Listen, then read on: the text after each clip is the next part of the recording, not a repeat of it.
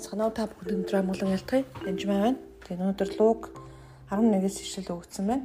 Тэгээд луг 11-ийн эс өгсөн ишлэлийг уншиж уншиж өгье гэж та бодож байна. За. Луг 11-ийн 14. Тэр хилгүү чөтгөрийг зайлуулжээ. Чөтгөрийг гарч одоход хилгүү байсан тэр хүн ярьж эхлэв.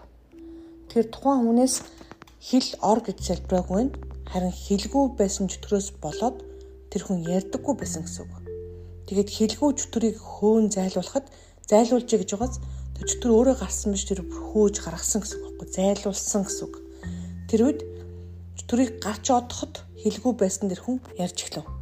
Олон түмэн ихэд гайхацгаажээ.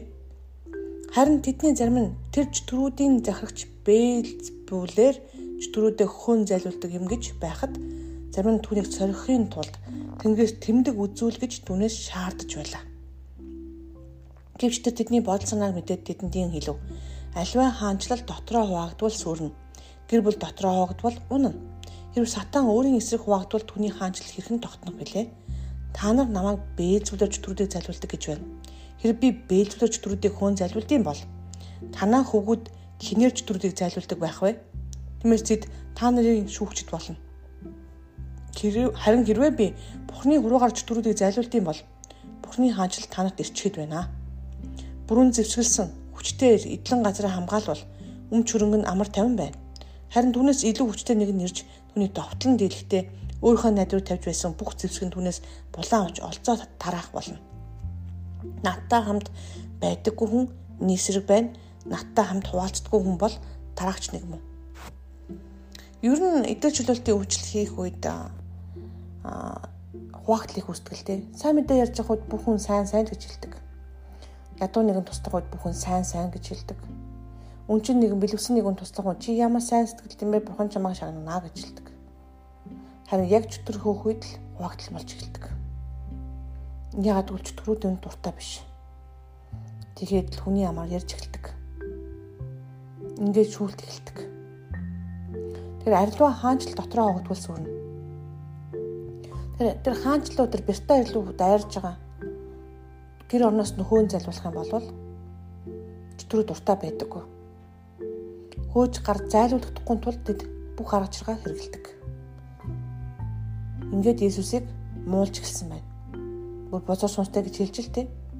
Харин хэлж өөрөө хэлэхдээ Бурхны хуруугаар чөтгөрүүдийг би зайлуулдаг. Бурхны ханжил танарт төчгөд байна гэж хэлсэн байна.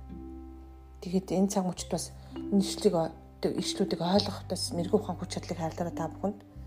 Тэгээд та өнөхөр эдгээр чөлөөлтийг үйлчлэлт дуудагдсан байх юм бол ер нь ядаж гэр орондоо болон өөртөө ч юм уу асуудал төрөө сайн үнээр харж явах хэрэгтэй. Тэгэхээр тань тохиолдсон жижигхэн хизэж ботж байгаа өмнө хүртэл одоо сүнс буцаж сүнсийн үг таалаг нээсэн байдаг. Аа тэгэхэд жишээлхэд та одоо мэрэг төлөв бодуулж исэн ч юм уу үзүүлж байсан эсвэл одоо жилийн зурхаа үзэж исэн ч гэдэм үү. Ийм жижигхэн хөг юм за энэ юу чамаатай бэлдээ гэж бидтэй гэж битгий бодороо тийм байвал би үнэхээр эзэн минь тэр бэлэг мэрэг төлөг зурхаа хэрэгжилж исэн бол би гимшиж байна. Зөвлөж өгөөч гэж хөөх ёстой. Нэгт хоёрдгвэл чөлөөлт хийж байгаа хүмүүсийг сүнсээр нь сайн ялгах хэрэгтэй. Гэтээ ер нь бузар сүнсийг хөөн зайлуулна гэдэг бол Бурхны их мэдээлэл хийгддэг зүйл. Эзэж төч төргөө өөдөггүй гэсэн үг Тэгээд та бүхэнд эзний сүнс байх болтугай. Тэг энэ цаг мөчд үнэхээр эзнийг таньж мэдэх болтугай. Харах болтугай. Илчилтийн сүнс та бүхэнд өгдөх болтугай. Эзэн бурхан тэгээд энэ энэ сонсогч бүхнийг та бүхнийг хэрэглэх болтугай. Яг одоо сонсож байгаа нэгний дотор байгаа буцар бүх сүнсийг би хүлж байна, хөөж байна. Назарын Иесус Христосийн нэр мэдлэг нэрээр. Тэгээд тэр хүмүүс бас илчилтийн сүнсийг өгөөрөө эзэм нь мэрэгүү ухаанаар хангаж өгөөрөө Тэгээд тархитаа нүдж байгаа хүмүүсийн талаас залбирч байна. Эзэн Иесус Христосийн нэрээр идрэл хэрэгтэй байгаа хүмүүст та өнөхөр харин мутрах үргэлтэн намайг сонс миний дууг сонсохдоо тэр хүмүүс чөлөөлөгдөж идэрх болтугай. Назарын Иесус Христосийн нэрээр би залбирэн гойж байна.